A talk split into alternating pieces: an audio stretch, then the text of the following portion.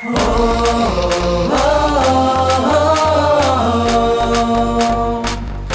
ငယ်တို့အတွက်စိတ်အမှန်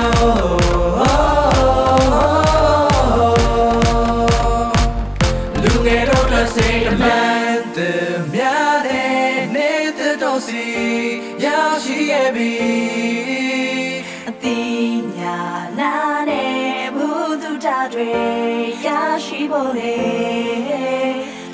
စံနိုင်မဲ့နှလုံးသားတွေနဲ့ရင်ချဖို့တွေ့လေ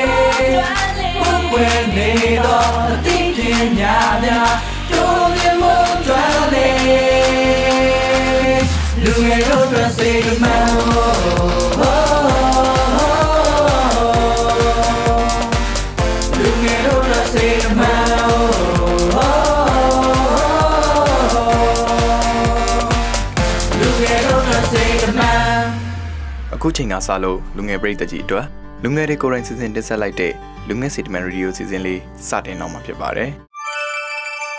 လူငယ်တို့အတွက်စိတ်တမန်အချစ်ကိုစတင်လိုက်တဲ့အချိန်ရောက်တော့ကျမတို့အချိန်နှောင်းခဲ့ပြီအဲ့ညကိုကျမမုန်းတယ်ဒါထက်ကိုရင်ရင်ကိုကျမပို့ပြီးတော့နာကြည့်ရဲ့အချစ်ရဲ့နောက်ကွယ်ကသူ့ရဲ့လူချင်းတက်မှတ်မှုကိုသာကျမကြိုသိခဲ့ရင် ဆယ်တန်းအောင်တော့မိဘတွေကအလိုလိုက်ပြီးကျမကိုဒေတက်ခွင့်ပေးခဲ့တယ်တက္ကသိုလ်ပထမဆုံးရောက်တဲ့နေ့မှာပဲကျောင်းသားကက်ထုတ်ရင်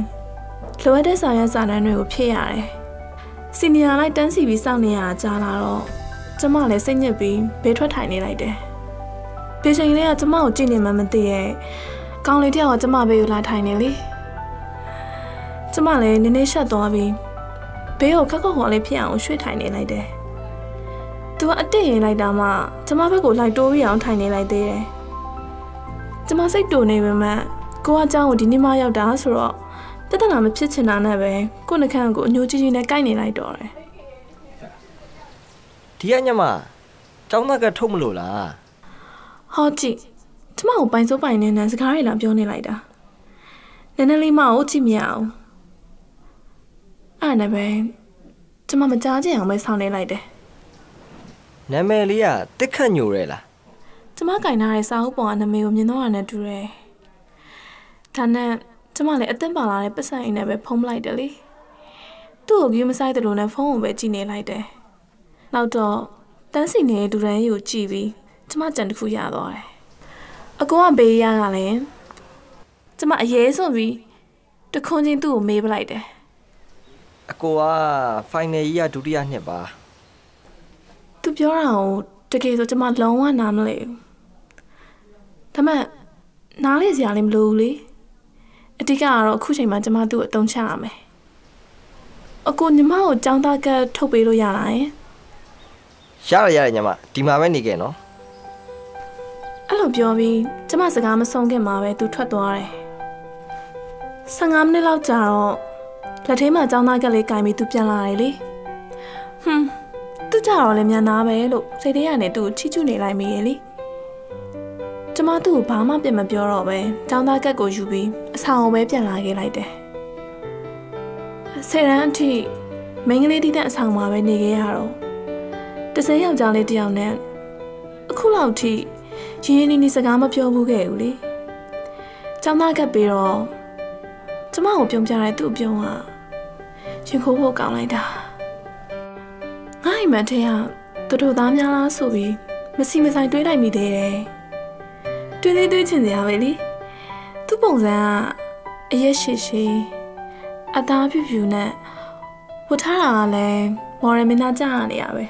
။သူ့ကိုမြင်ရင်မကြွေတဲ့မိန်းကလေးရောရှိပါတော့မလား။ကျောင်းစားတက်တဲ့ရက်မှာတငယ်ချင်းမရှိသေးတော့အဆောင်ကနေကျောင်းကိုတယောက်တည်းပဲလမ်းလျှောက်လာခဲ့ရလေ။ ဟွန်းဘာလို့လို့နဲ့ကျမတို့တက္ကသိုလ်ကျောင်းသူကြီးဖြစ်လို့အပြူကြီးဖဖအောင်ဖြစ်နေပြီ။ကျမပုံစံကအလားဆုံးနဲ့မှမပါပဲမဲ့ရုပ်ဆိုးကြီးလည်းမဟုတ်ဘူး။ခန္ဓာကိုယ်ကလည်းယောက်ျားလေးရဲ့မျက်စိကျလောက်တဲ့မိန်းကလေးမျိုးဒါကိုတစ်ခါမှအရင်တော့ကျွန်မသတိမထားမိခဲ့ဘူးအခုကြောင်စားတက်တဲ့နေ့မှာမြမဝတ်စုံဝတ်လိုက်ကားမှကောင်လေးတွေရဲ့မျက်စိအစာကျွေးစရာ ပြစ်မှတ်ဖြစ်နေမှန်းကိုကျွန်မသိလိုက်ရတယ်။မိန်းကလေးဆိုတာမျိုးကလည်းကိုယ့်ကိုကောင်လေးတွေတစ်ခါကြည့်ရင်နောက်တစ်ခါကြည့်အောင် ပုံစံမျိုးမျိုးလုပ်ကြတာပဲလေ။လေတန်းဆောင်ရဲ့တတိယထပ်လေကားကိုရောက်တော့သူနဲ့ကျမနဲ့ဒုတိယအကြိမ်ပြန်ဆုံတယ်။ तू ကတီရှပ်အဖြူနဲ့ဂျင်မောက်ဖီပြားရအောင်ကိုတွဲဝတ်ထားရလေ။သူတငယ်ချင်းတွေနဲ့ဟေလာဟောလာလုံးနေရင်ကနေကျမကိုမြင်တော့ ရုတ်တရက်သူစကားပြောရက်ဖို့အချက်ပြလိုက်တယ်ညီမလေးအဖေမပါဘူးလား။ဟုတ်ဆိုပြီးတခွန်းလေးပြောရင်လေကားထစ်တွေကိုမလွဲအောင်ကျမထိမ့်တက်ခဲ့ရတယ်လေ။တက်ခတ်ညိုနဲ့တက်ခါထိန်စမ်းကျမတုံနေတဲ့ရင်ဘတ်ကိုဘယ်လက်နဲ့ဖိပြီးစိတ်ထဲကနေရွရလိုက်မိရဲ့။ကျောင်းစင်းတော့ကျမအခန်းရှိမှသူ့ကိုတွေ့လိုက်ရတယ်။ကိုမင်းကိုစောင့်နေရတဲ့။ကျမဘာမှပြန်မပြောပဲ သူ့ဘေးကနေပဲလိုက်ခဲလိုက်တယ်။သူ့စီရရတဲ့ရေမွေးနဲ့ကိုကျမသိတယ်။ကျမတုံးနေကြချားလိပဲလေ။ညီမလေးနာမည်ကလှရနော်အကိုနာမည်လည်းမှတ်ထားပေးအောင်အကိုနာမည်ကရဲရင်သူတဲ့ဒါနဲ့ညီမလေးကညောင်ဦးပါလားကျမကျမကိုအဆောင်ထိသူလိုက်ပို့ရလေတလန်းလုံးသူမေးသမျှကိုဟုတ်ဆိုရတလုံးပဲပြောခဲ့တယ်သူနောက်ကနေဖြူဖွေးနေတဲ့သူ့ပါလေးကိုကျမခခုတ်ကြည့်နေမိရဲ့ ကျမပြုံးတာကိုဗတ်မှန်နေရနဲ့သူမြင်သွားမှဆိုတော့သူ့နောက်ကျောကိုယ်ပြီးနေရတယ်နောက်နေ့ရေလဲသူပဲအဆောင်ထိခေါ်လာပြီးပြန်လေးပို့ပေးရလေအစားကတော့အာနာလိုမလိုက်ဖြစ်ပေမဲ့ကြာလာတော့လဲသူ့ပေါ်ကျမယုံကြည်လာမိရဲ့။သူနဲ့စကားပြောတာလည်းတတိရှိလာတယ်။သူ့ကြောင်းတွေကိုကျမမသိပေမဲ့သူကျမပေါ်အနုတာခံနေလေ။ကျမလှုပ်ချင်သမျှကိုလည်းလှုပ်ပေးတယ်။ ဆိုသမျှကိုလည်းတီးခံပေးတယ်။ကြာလာတော့လဲသူငါ့ကိုချစ်နေလို့အခုလိုရယူဆိုင်နေရလားလို့တွေးမိရဲ့။မိန်းကလေးဘဝကလည်းတစ်ဖက်ကဖွင့်ပြောမှအချစ်ကိုအတိအမှတ်ပြုခံရမယ်ဘဝမျိုး။ခုလဲ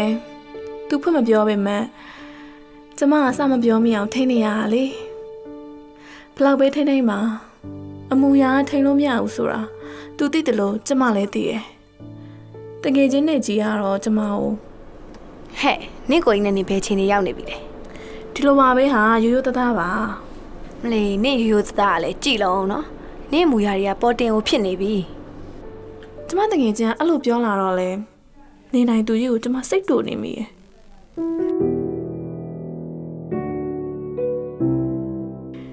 တူတိုရီယယ်ဖြည့်ပြီးကျမသူ့ကိုထိုင်ဆောင်နေလိုက်တယ်ခဏနေသူလာတော့ ကန်တိန်ဘက်ကိုတွားအောင်ဆိုလို့ကျမသူ့နောက်ကိုလိုက်ခဲ့တယ်ကန်တိန်ရောက်တော့အေးတယောက်တစ်ခွက်စီမလိုက်ကြရလေနောက်တော့ကျမကိုတခုခုပြောချင်တဲ့ပုံဆိုတာကိုကျမရိပ်မိရဲ့သူ့မူရကလည်းပြက်နေရအောင်ကိုကြီးညီမလေးကိုဘာကြောင်ပြီးကြည့်နေရလဲလှလို့လေ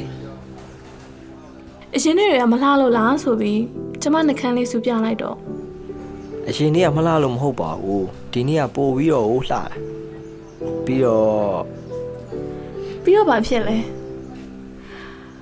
ကိုရွန်ချောကလူရင်းကိုမရောက်ဘူးကျမကပဲမိန်းကလေးတက်မဲ့ရေလာမြောင်ပေးလုပ်နေရတာအကိုညီမကိုချစ်တယ်အဲ့လိုဒုံတိကြီးပြောလိုက်တော့လဲကျမရင်ခုန်ရမှာလားဝမ်းသာရမှာလားမဝေခွဲတတ်တော့ဘူးကျမရင်ဘက်ကြီးတစ်ခုလုံးຫນွေကနေဖြစ်သွားတယ်ဒီလိုချိန်ကိုစောင့်နေခဲ့ရတာရင်တလက်လက်လည်းမဟုတ်လား ပြောမြပြောတော့လဲတဲ့တဲ့ကြီးပြောတော့ကျမမနေတတ်တော့ပဲအစာကိုပဲပြန်ပို့ပေးဖို့ပြောလိုက်တော့တယ်အလိုက်ကန်းဆုံးမသိရဲ့သူကလည်းတလန်းလုံး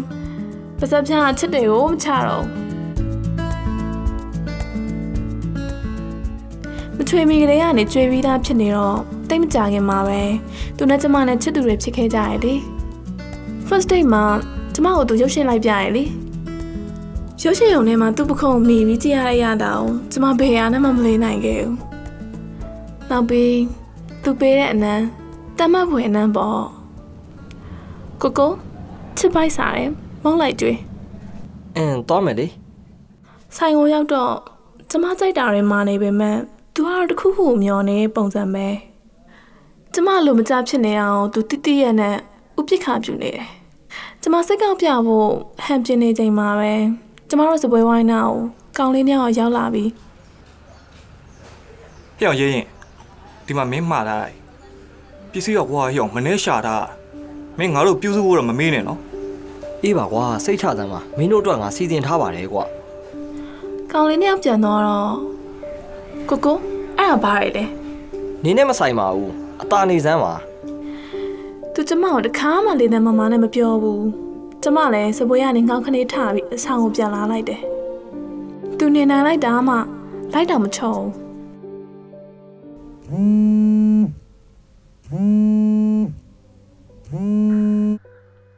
ဟယ်လိုချစ်စိတ်မကောက်ပါနဲ့တော့ကွာကိုကိုတောင်းပန်ပါတယ်ချစ်တော့အရေးမကြီးဘူးထင်လို့ကိုမပြောခဲ့တာပါကွာကိုကိုချစ်ဆုံးလေးอ่ะစိတ်မဆိုးပါနဲ့တော့နော်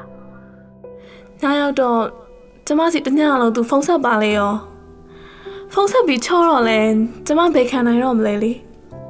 သူ့ပြောမှနင်မျောပြီးကျမစိတ်ဆိုးပြေသွားတာပဲလေစာမေဝဲဖြည့်ပြီးတော့နောက်ဆုံးနေ့ကိုရောက်တော့သူနဲ့ကျမနဲ့ရှောက်လေကြတယ်သူကစားခေါ်တော့နေရာဝဲရနဲ့မလိုက်ဘူးလို့ညင်းပေမဲ့သူ့တငယ်ချင်းအတွေးပါပါသေးရဲ့ဆိုလို့ကျမလည်းခေါင်းညိတ်ပေးလိုက်တယ် တညက်နေလုံးရုပ်ရှင်ကြည့်မုံစားနဲ့ညကလည်းတဖြည်းဖြည်းနဲ့နှက်သွားတယ်လေဒါထက်မိုးကပါဖြန်ဖြန်ကြနေတော့ကျမလည်းအဆောင်ပြန်ဖို့အဆင်မပြေတော့ဘူးခီးကလည်းလွန်နေပြီ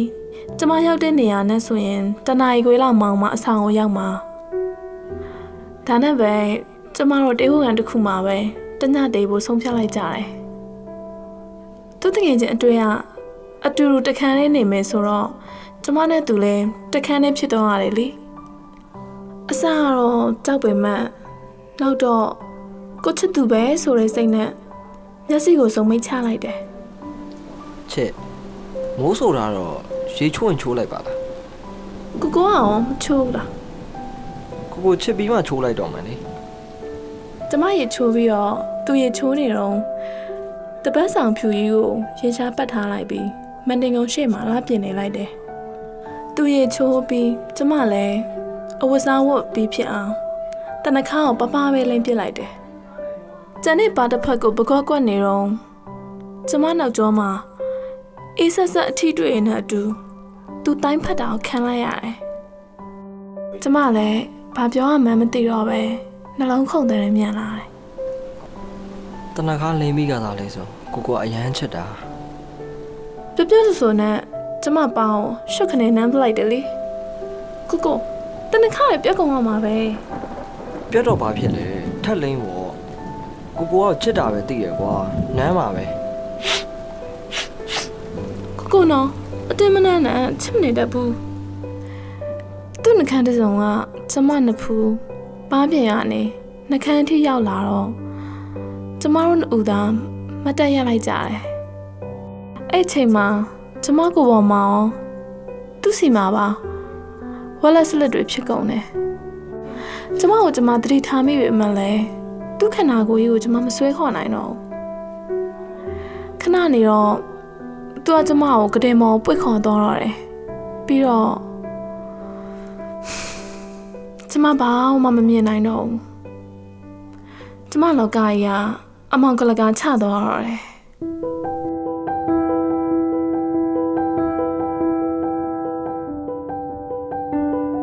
ကျောင်းတွင်ပိတ်ပြီးလို့အိမ်ပြန်ကြတော့သူကျမကိုကားဂိတ်ထိလိုက်ပို့တယ်လေလွမ်းနေမယ်နော်ချစ်ပိုလွမ်းနေမယ်နော်ကိုကိုကျမအိမ်ပြန်ရောက်တော့သူ့ကိုပိုးပြီးတတိယနေတယ်လို့ပဲ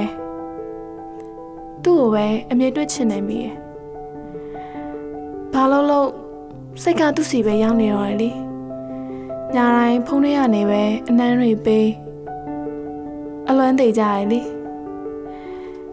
တလားလောက်နေတော့ကျမပေါ်သူဆက်ဆံရေးကြီးလာတယ်မထင်မှတ်ထားတဲ့အတွက်ကျမသူ့စီကိုဖုန်းအတင်ချင်းဆက်ပေးမှလဲသူ့ဘက်ကဘာတုံ့ပြန်မှုတစ်စုံတရာမှပြန်မရတော့ဘူးသူကျမကိုမချစ်တော့ဘူးလားကျမသူ့စီကဂတိအကျဉ်းချင်းတောင်းခဲ့ပြီးမှအဲ့ဒီညကအတူနေဖို့ဆုံးဖြတ်ခဲ့တာအခုသူကထားတော့တာဆိုရင် ကျမတော့အမားကြီးမားခဲ့ရပြီကျမတညလုံးခေါင်းထက်မှမျက်ရည်တွေနဲ့အိတ်ဆက်ခဲ့ရတယ်ဟဲ့တက်ခတ်နေရရင်တရင်ကြပြီွားလားဘာတဲ့လဲနေကြည့်ဟာနင်ကိုချစ်သူကြောင့်တော့နင်တကယ်မသိရလားနင်ချစ်သူရဲရင်လေ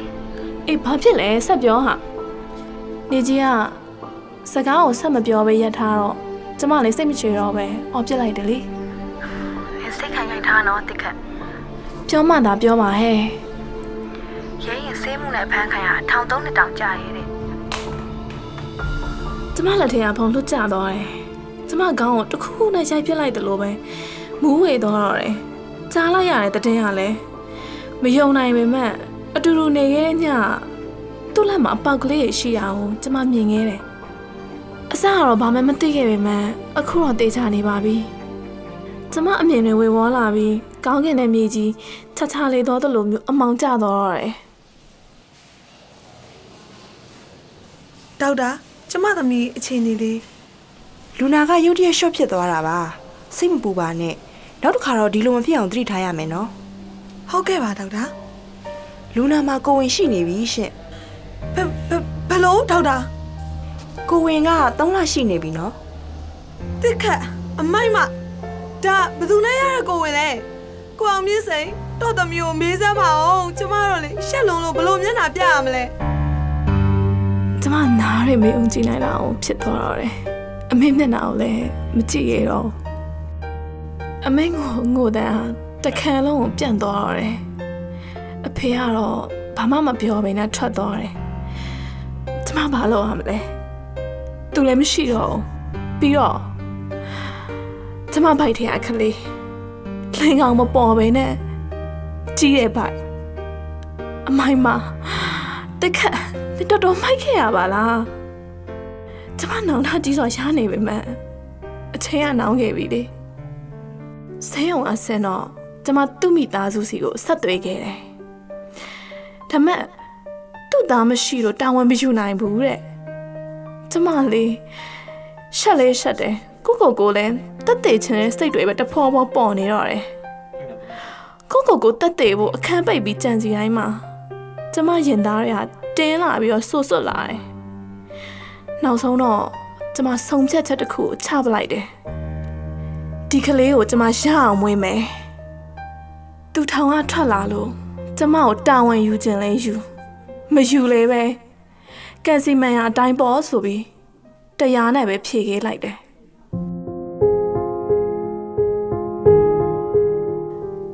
သုံးနှစ်ပြည့်လို့သူထောင်ကနေတွက်လာတဲ့တည်င်းကြားရပါမယ်။ကျမသမီးလေးမူကြိုထားသည့်တိုင်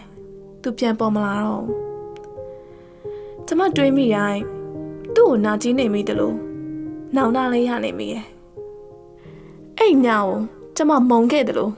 သူ့ကိုလည်းစိတ်တရားရတဲ့အခါလေးနာကျင်နေမိရဲ့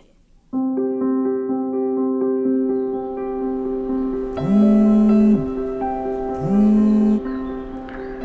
ရေးဆရာမတိတ်ခတ်ညိုလားရှင်ဟုတ်ကဲ့ကျမတက်ခတ်ညိုပါကျမတို့ဆရာမစာအုပ်တွေဖတ်ပြီးယောက်ျားတွေရဲ့အချစ်နဲ့တက်မှတ်မှုကိုခွဲခြားတတ်လာတယ်ဒါဆိုကျမလည်းရေရကြွနှက်လာပါပြီရှင်ဟုတ်ကဲ့ပါရှင်အာဆရာမကိုကျမတို့တက္ကသိုလ်နှစ်ပတ်လည်မဂ္ဂဇင်းပွဲမှာဟောပြောပေးဖို့ဖိတ်ခေါ်ခြင်းလို့ပါအဲ့နေရတက္ကသိုလ်ကျောင်းသူလေးတွေကိုကျမလိုအချိန်လုံးမနောင်တမရအောင်စူးစမ်းပြီးဟောပြောပေးခဲ့လိုက်တယ်လေ လူငယ်တို့အတွက်စီတမန်မြန်မာနိုင်ငံဆရာဝန်အသင်းရဲ့လူငယ်စီမံချက်ကလူငယ်တွေအတွက်ကျန်းမာရေးဗဟုသုတတွေကိုတယ်လီဖုန်းလိုင်းတွေကနေတဆင့်မေးမြန်းဆွေးနွေးနိုင်ဖို့လည်းစီစဉ်ထားပါတယ်လူငယ်စီတမန်တို့ရေစေချိုတဲ့နဲ့လူငယ်ဘဝမှာတွေ့ကြုံရတဲ့ဖွံ့ဖြိုးမှုတွေနဲ့အတူမျိုးဆက်ပွားကျန်းမာရေး HIV AIDS နဲ့ဆိုင်ရာမှုတူတာကြောင်းအားတွေကိုသိချင်နေဆိုရင်ပွင့်ပွင့်လင်းလင်းမေးမြန်းဆွေးနွေးနိုင်တဲ့ဖုန်းလိုင်းလေးကြောင်းကိုတည်ငောင်းပါခြင်းပါတယ်။ဒီဖုန်းလိုင်းလေးတွေကိုဆက်ပြီးမေးရင် ဒွေရဖြစ်နေတဲ့ကိစ္စတွေမတိကျမရေရာတဲ့အကြောင်းတွေဘယ်နေရာမှာသွေးစစ်လို့ရတယ်ဆိုတာတွေကိုရှင်းရှင်းလင်းလင်းသိကြရမှာပါ။ယောက်ျားလေးတွေဆိုရင်တော့အဖြူရောင် white line ကိုဆက်သွယ်နိုင်ပါတယ်။ဖုန်းနံပါတ်ကတော့39 44330039 39 44330039နဲ့နနက်၈နာရီမှည၈နာရီထိလိုပဲဖြစ်ပါတယ်။မိန်းကလေးတွေဆိုရင်ပန်းရောင်ပင်လိုင်းကိုဆက်သွယ်နိုင်ပါတယ်ရှင်။ဖုန်းနံပါတ်က39 44330039 3994 4433ခွန်ခွန်3904နနက်၈နာရီမှည၈နာရီအထိတို့ဖြစ်ပါတယ်။အားလုံးစင်မြေစီဖို့အတွက်စီကံလေးတချို့ကိုသတ်မှတ်ထားပါတယ်။လေ့ကျင့်သင်ကြားပေးထားတဲ့လူငယ်တွေကညီကိုမောင်နှမိုက်လိုသဘောထားပြီးဖြေကြားဆွေးနွေးပေးပါမယ်။ကိုယ့်ရဲ့အမိကိုတော့ပြောပြစရာမလိုပါဘူး။ကိုယ့်ကိုယ်ရာကိစ္စတွေကိုလည်းမပေါက်ကြအောင်လျှို့ဝှက်ထိန်းသိမ်းထားပေးပါပါ။မင်းမြတ်တဲ့သူတွေအနေနဲ့ကျန်းတဲ့စကလုံးအတုံးုံတွေကိုလည်းရှောင်ရှားပေးစေချင်ပါတယ်။ တမတ်ကောင်းစင်နဲ့မသက်ဆိုင်တဲ့အကြောင်းအရာတွေကိုလည်းမမေးမြန်းဖို့မြစ်တာရက်ခံချင်ပါတယ်ရှင်။ပုံဆက်မေးမြန်းနိုင်တဲ့အချိန်ကတော့နေ့စဉ်နနက်၈နာရီကနေည၈နာရီအတွင်းပဲဖြစ်ပါတယ်။ဖုန်းဆက်မေးမြန်းဖို့အဆင်မပြေတဲ့သူတွေအတွက်လည်း Facebook page ကနေတဆင်မေးမြန်းနိုင်မှုကိုလည်းစီစဉ်ထားပါသေးတယ်။အဲဒီ page လေးကတော့ Talk and Saw တိုင်ပင်ဆွေးနွေးအတွင်းရေးလို့နာမည်ပေးထားပါရဲ့နော်။ဆွေးနွေးတဲ့အခါမှာ comment ကနေဖြစ်ဖြစ် Messenger ကနေပဲဖြစ်ဖြစ်ဆွေးနွေးလို့ရပါတယ်။ဒါပေမဲ့ မိကုန်းလေးတွေကိုတော့ Messenger ကနေမေးပေးပါရှင်။ Messenger call တွေကိုတော့ပြန်ဖြေပေးနိုင်မှာမဟုတ်ပါဘူးရှင်။နေ့စဉ်နနက်၈နာရီကနေည10နာရီအချိန်ထိမေးမြန်းနိုင်တဲ့အကြောင်းသတင်းစကားလေးပါလိုက်ပါတယ်ရှင်။သူငယ်တို့အတွက်စီတမန်လေလိုက်